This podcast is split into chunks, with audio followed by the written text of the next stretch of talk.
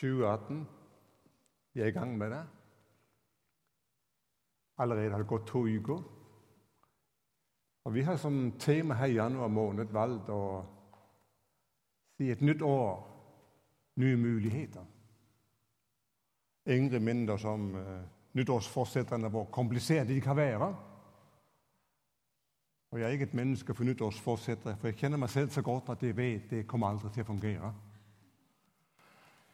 Men temaet det sier jeg, vi ønsker å ha et ønske om noe nytt. Uh, optimisten tenker at det, det, det, klarer jeg selvfølgelig. Og pessimist, pessimisten tenker at det, det, får jeg aldri til. Det vil aldri lykkes for meg. Pietain har sagt noe om optimister og pessimister. Nå skal du følge godt med, for det, her, det er bra sagt. Pessimistene er dog de reneste tåper. De tror på det motsatte av hva de håper. Nei, de optimister som livet beror på, det er dem som skal håpe på noe de tror på. Kanskje fikk du litt av det med, men uh, nå skal vi i hvert fall dele Guds ord med hverandre. Og uh, I formiddag så har jeg valgt å stanse ved profeten Jesaja.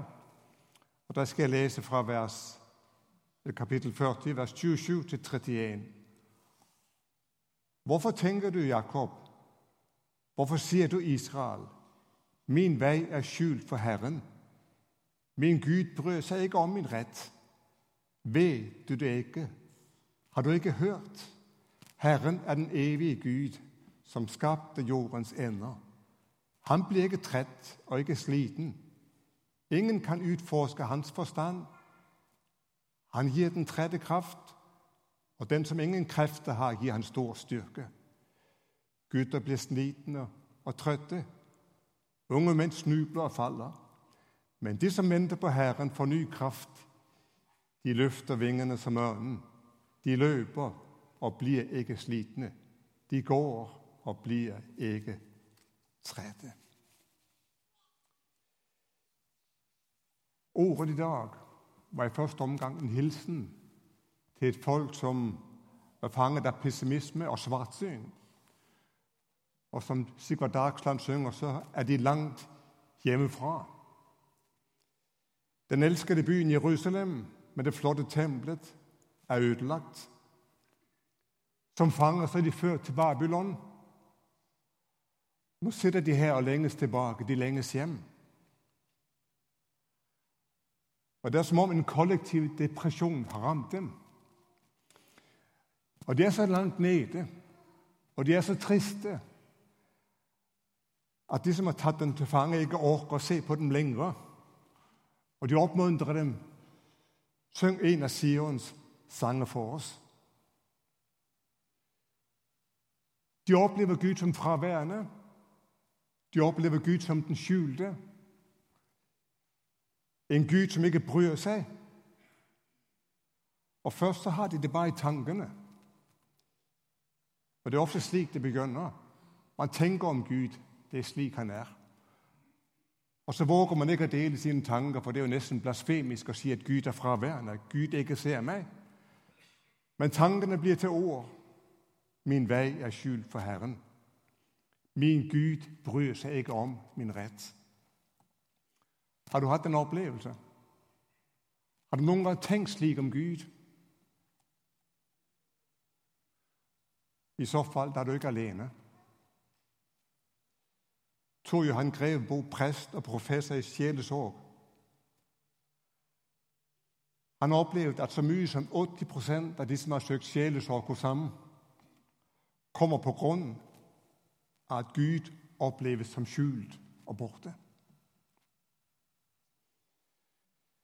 Lektor Leif Andersen ved Medietsfakultetet i Aarhus han har skrevet to bøker som omhandler det samme. Den ene skrev han på 80-tallet. 'Gud, hvorfor sover du?' Og Rett etter tragedien på Utøya så skrev han 'Når Gud er taus'. Min vei er skjult for Herren. Min Gud bryr seg ikke om min rett. Og Da er det profeten kommer med denne hilsen, som vi har delt med hverandre, og som kan være en hilsen til deg her i formiddag. Vet du det ikke? Har du ikke hørt det? Altså Det første han griper tak i, det er en manglende viten. Vet du ikke? Vet du ikke hvem Gud er? Og manglende viten og kunnskap om Gud kan skape problemer. Luther hadde en lengre diskusjon med en av sine samtidige, Erasmus fra Rotterdam. Og I et brev til ham så skriver Luther dine tanker om Gud er for menneskelige. Gud er større enn det du tenker. Gud er annerledes enn det du tenker. Og hvem er den Gud du har valgt å tro på? Hvem er han egentlig? Er han et produkt av dine tanker? Er han et produkt av dine fantasier? Av dine ønsker, av dine drømmer? Er han den de andre mener han skal være? Er han et produkt av dine følelser, av dine erfaringer? Hvem er den Gud? Hvem er han? Eller er det den Gud som har utvist seg for oss i Bibelen, og gjennom sin sønn Jesus Kristus? Altså manglende kunnskap. Det andre kan være manglende kjennskap. At du ikke har lenger noen personlig relasjon til ham. Bibelen forteller om en mann som en gang fikk utlevert en formue. Men av frykt for den herre som hadde gitt ham formuen, så dro han bort og gravde den ned. Og når han en dag står til regnskap, så sier han til sin herre, 'Herre, jeg visste at du er en hardmann som høster hvor du ikke har sådd, og sanger hvor du ikke har strødd ut.' Og vel var det delvise sannheter om, om Herren, men Gud var jo større. Gud var annerledes. Gud var mer enn han hadde tenkt. Og Grunnen til at han hadde fokusert på det, at han ikke hadde noen relasjon til han som betrodde ham sin formue.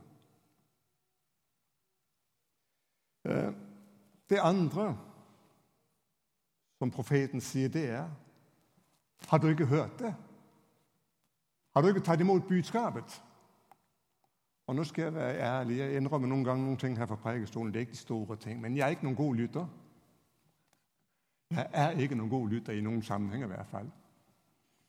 Og Noen ganger blir det avslørt å svare ja, hvor du skal si nei, og omvendt. Jeg har en stor sans for, for tegneserier.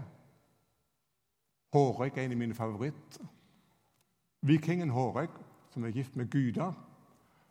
Og Det er en tegneserie jeg så for mange år siden. Jeg skal prøve å illustrere den. Gyda er i gang med en monolog. Ordene i, i boblene de er ganske store.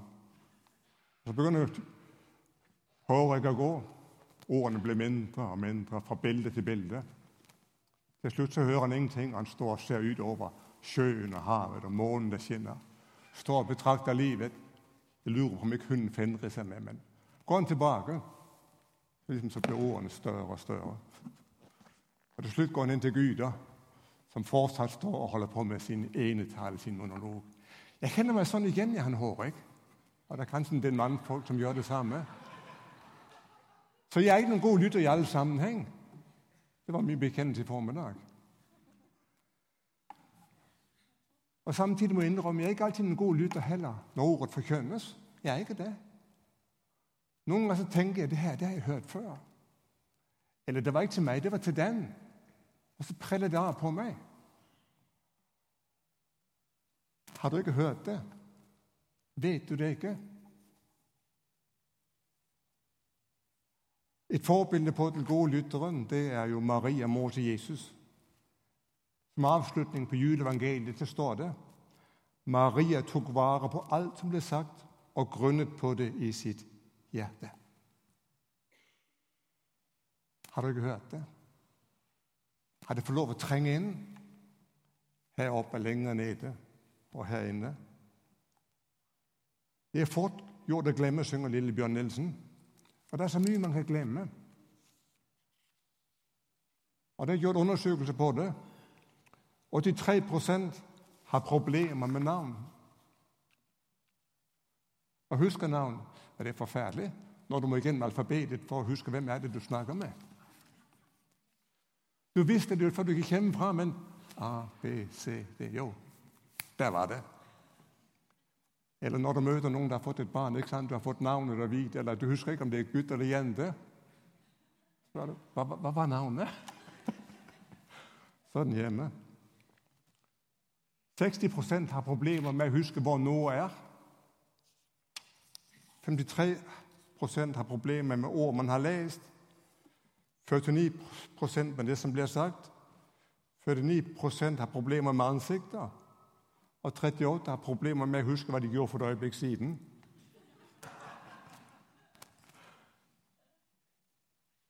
Ok, det var litt spøkefullt. Men har du glemt noe er vesentlig, noe betydningsløst? Det er jo verre når vi glemmer hvem vi tror på. Langt mer alvorlig. Disiplene fikk lov å vandre tre år sammen med Jesus. Fikk lov å oppleve hans store makt i så mange forskjellige livssituasjoner. Men så står de i en lignende situasjon, et nytt problem. Og så opplever de seg maktesløse. De vet ikke hvordan de skal gripe det an. Tidligere erfaringer og lærdom er glemt. Og Noen ganger så føler jeg, i hvert fall for mitt eget vedkommende, når jeg står for en ny stor utfordring, så tenker jeg hvordan skal jeg løse det? Så glemmer jeg å ta det med meg som jeg har lært tidligere. Har du ikke hørt det? Har du glemt det?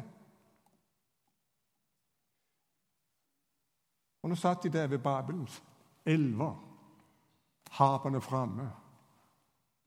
Min Gud bryr seg om meg. Min vei er skjult for Gud. Har du glemt meg? Og så kommer budskapet.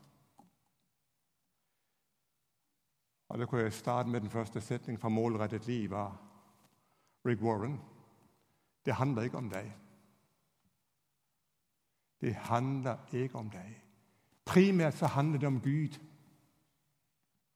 Det handler om Gud i første omgang.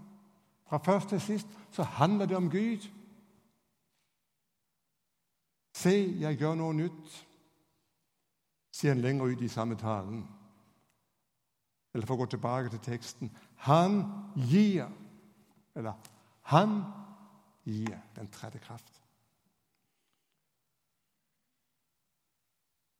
Og så er fokuset vendt mot Gud. Og det første, det er dette. Herren er den evige Gud. Herren er den evige Gud. Han er absolutt uavhengig av tiden. Og jeg er veldig fascinert av begynnelsen, starten på Johannes evangeliet. Jeg elsker ordene og kan, kan suge på det, meditere over det. Men det starter så fantastisk. I begynnelsen var Gud. Da alt tar til, så var Gud. Vi tenker tid, rom og sted. Gud er hevet overalt. Jeg er alfa og omega, han som var, han som er, som var, og som kommer, den allmektige. Han er hevet over tidenes forandringer. Han er ikke bundet av tidens begrensning. For Herren er en dag som tusen år, og tusen år som én dag. Hans perspektiv er annerledes. Vi tenker her og nå, han tenker evighet. Vi ser ikke så langt fordi vi er mennesker med alt hva det innebærer. Men han er den evige. Gårdagen er like levende som morgendagen.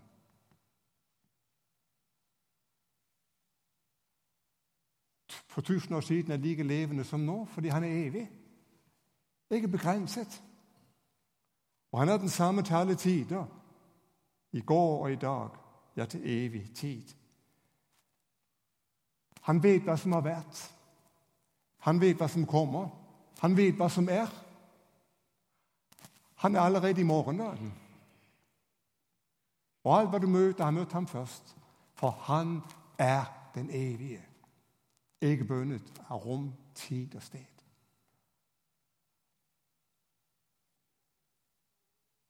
Det var han som skapte den hvide jorden, og det er den neste. Han er skaperen.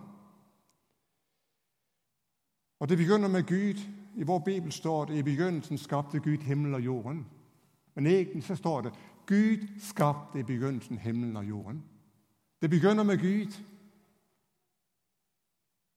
Gud skapte den fantastiske verden, vi får lov å være en del av. Og husk min første opplevelse av at en mektig Gud står bak, og alt han har skapt, er stort. Det var jeg i andre eller tredje klasse på skolen. Vi hadde kristendomskunnskap og var i gang med å lære salmvers utenat.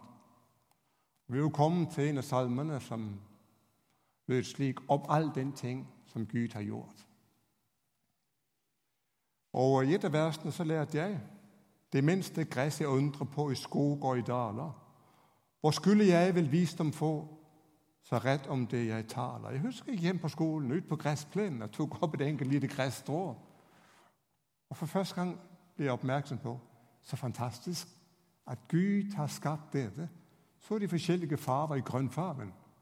Og plutselig var det liksom en ny verden det åpnet seg for meg. Det minste han har skapt, er stort. Gud skapte ingenting. Vi sier ofte vi skaper både det ene og det andre. Vi kan ikke skape noe som helst. vi. Vi kan forme, vi kan bearbeide, vi kan danne. Men grunnmaterialet er det Gud som har skapt i alle sammenhenger. Vi kan bearbeide, men skape, det er begynne med ingenting. Han talte, og alt ble til.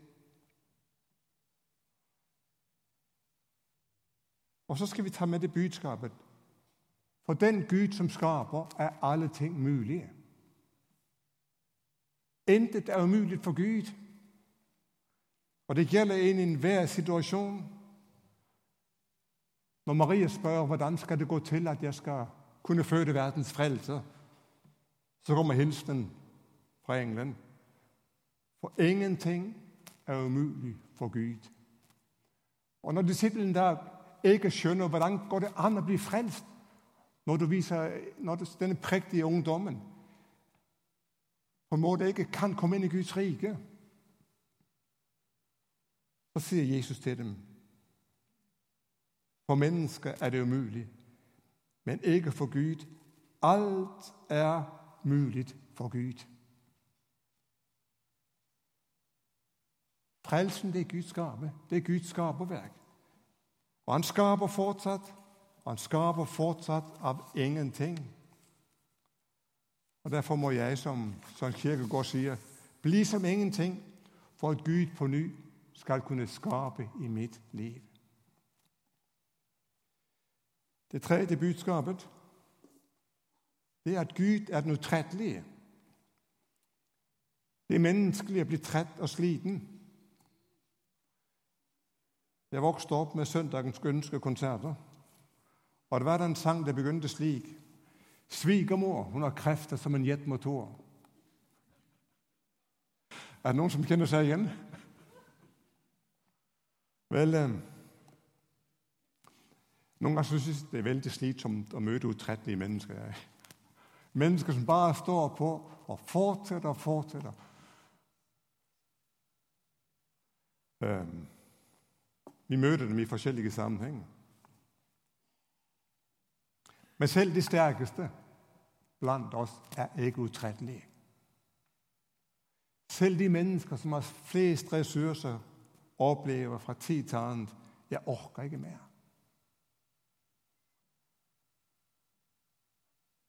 Jeg har selv vært nødt for å sette bremsen på noen ganger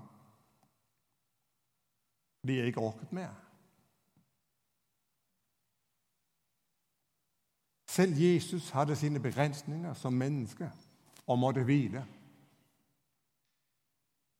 Men om den evige Gud så står det han blir ikke trett og ikke sliten.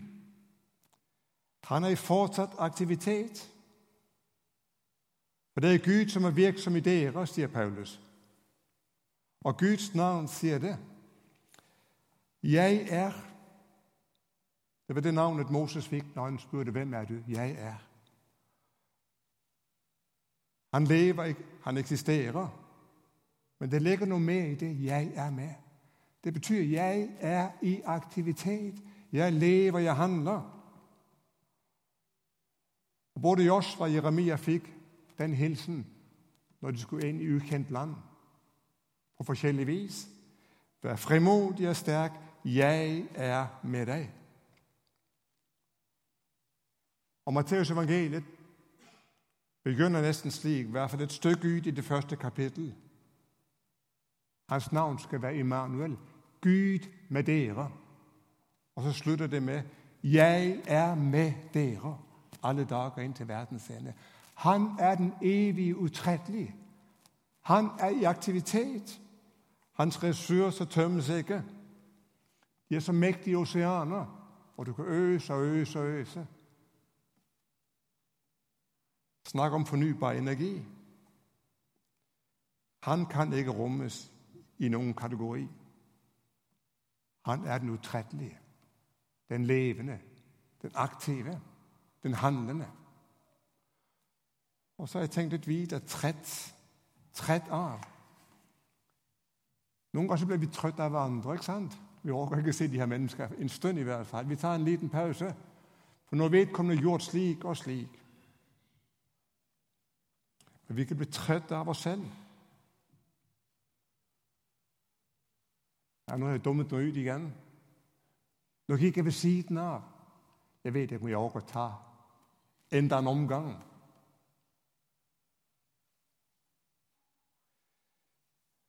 Alex Jonsson, tidligere biskop, han har skrevet en bok som heter 'Veien er klar'. Og Han har et kapittel som har overskriften 'Vanskelig medmennesker'. Og Så beskriver han hvordan vi finner dem i alle mulige sammenhenger, disse vanskelige medmennesker. Finner den til og med i kirken. Men så snur han spørsmålet. Finnes det noen som synes jeg er et vanskelig menneske? Som synes jeg er vanskelig å jobbe sammen med og være sammen med? Og Så sier han det var et sjokk den dagen det gikk opp for meg at det var noen som tenkte slik om meg. Her setter vi seg i formiddag. Medgjørlige, enkle, ukompliserte. Alltid positive, alltid villige. Så er det kanskje én vanskelig som sitter et eller annet sted her. Vet du hva? Historien om mennesket det er historien om vanskelige mennesker. Om Israel, om menigheten, om meg, om deg. Og så er det gode budskapet. Gud ønsker fortsatt ha noe å gjøre med vanskelige mennesker. Du fikk den med? Gud ønsker å ha noe å gjøre med vanskelige mennesker. Og det har kostet ham alt å ha noe å gjøre med oss. Men han fortsetter. Han blir ikke trett. Han begynner på ny hvis vi våger å være intet når vi kommer til ham. Det fjerde Gud er den uransakelige. Gud er større enn vår forstand, våre følelser, vår erfaring. Han er den vise Gud. Salme 92, vers 5-6 sier det på denne måte. Herre, du har gledet meg med ditt verk. Jeg jubler over det dine hender har gjort. Hvor store dine gjerninger er, hvor dype dine tanker, Herre.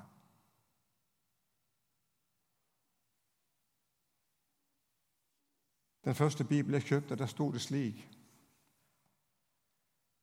Herrens tanker er gjennomtenkt til bunns. Herrens tanker er gjennomtenkt til bunns. Ned i minste detaljer har Gud tenkt igjennom absolutt alt.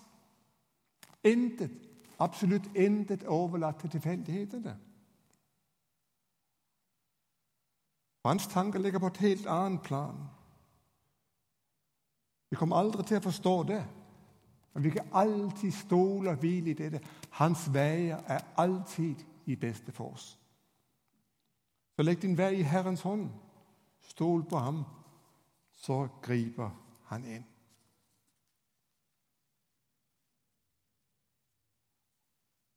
Og så løftet. Han, den evige Gud, den skapende Gud, den utrettelige Gud, den vise Gud, han gir ny kraft til trette og slitne mennesker. Er det ikke et godt budskap? Han skaper noe nytt i våre liv. Og Det avhenger ikke om vi er pessimister eller optimister, om vi våger å slippe Han til. Kraft til å kaste seg ut i livet. Vi har bildet av ørnen som løfter vingene og kjenner at nå bærer luftstrømmen. Han fyller ditt liv med det som går der, og gjør det ung igjen som ørnen. Vinger som bærer, og vinger som bæres. Det er kraft til å løpe og kraft til å gå. Begge deler omtalt i ordet her. To uttrykk for bevegelse, men med forskjellig hastighet. Det er tider som krever en ekstra innsats. Vi så jo det her illustrert av Ingrid. Det er tid til å løpe, og noen ganger er det tid til å gå. Men bevegelse framover er det uansett. Og gi oss den kraft vi trenger akkurat når vi trenger den. Ny kraft. Hvem gir han til? Hvem vi den til? Den som våger å vente. Ikke den som 'nei, nå, nå skal jeg ta meg sammen'. Nå er det min tur. Nå skal du bare si Jeg prøver litt. De som venter på Herren, får ny kraft. Hva er det å vente? Ja, nå skal jeg ikke komme med morsomhet akkurat nå. Hva er det er å vente.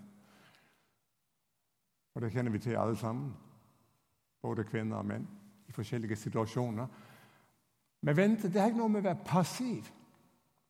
Det er troens aktive forventning. Det er der du åpner deg og sier, 'Herre, nå setter jeg min tro og min lit til deg, Herre.' Jeg forventer at du innfrir dine løfter. Det kan godt hende det går tid. Det kan godt hende det går uker, dager, år. Men det er ikke det som er det essensielle. Det er jeg setter min tro til deg, Gud. Så har du din time. Du har dine måter å gjøre det på. Så kan vi love å prise ham. Så holder vi fast ved hans ord. Herre, du har sagt. Du har lovet.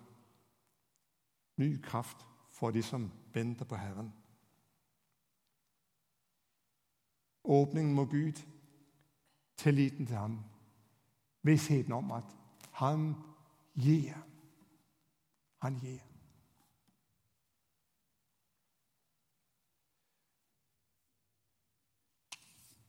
Jeg er ikke ornitolog. Det var en ting til som jeg heller ikke er. Men jeg har lært, og lest meg til at når ørnen skal skifte fjærdrakt, så drar den til et øde sted hvor den er alene.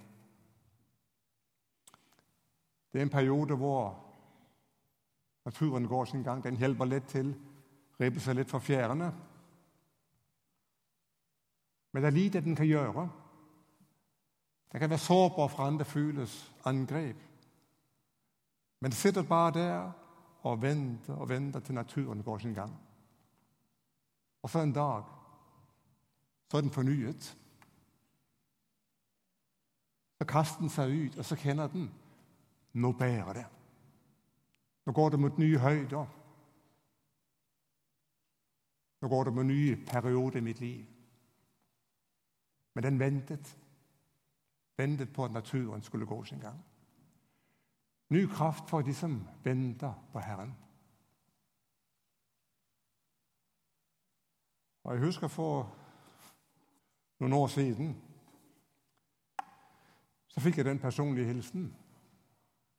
Et tidspunkt hvor jeg ikke egentlig så hvor går veien nå. Slo Haugesunds avis opp, og der fant jeg ordet nederst på siden. Et ord med det skulle være modig og sterk. Jeg skulle vente på Herren. Og så ønsker du at det skal skje så fort som mulig. Og du går og speider at det er i dag løftene skal innfris. Og så må vi noen ganger vente den ene dag etter den andre. Men Gud har sin time. Gud har sin måte. Og i dag så vet jeg ordet og hilsenen var sann. Hva skal vi gjøre? Vi skal gjøre det Guds fred lærte oss å synge på 70-tallet. Fall til ro og kjenn at jeg er Herren. La oss be sammen.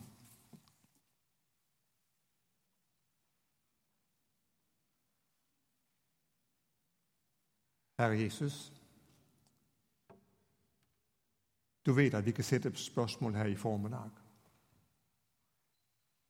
Vi kan sette med erfaringer. Og vi føler at du er så uendelig langt borte.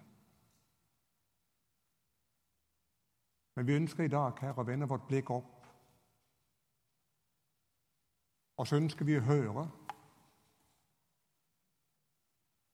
at du er den evige.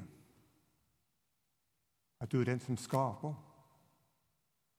At du er den utrettelige. At du er den vise. Hjelp oss å falle til ro og sette vår tro til deg alene. Amen.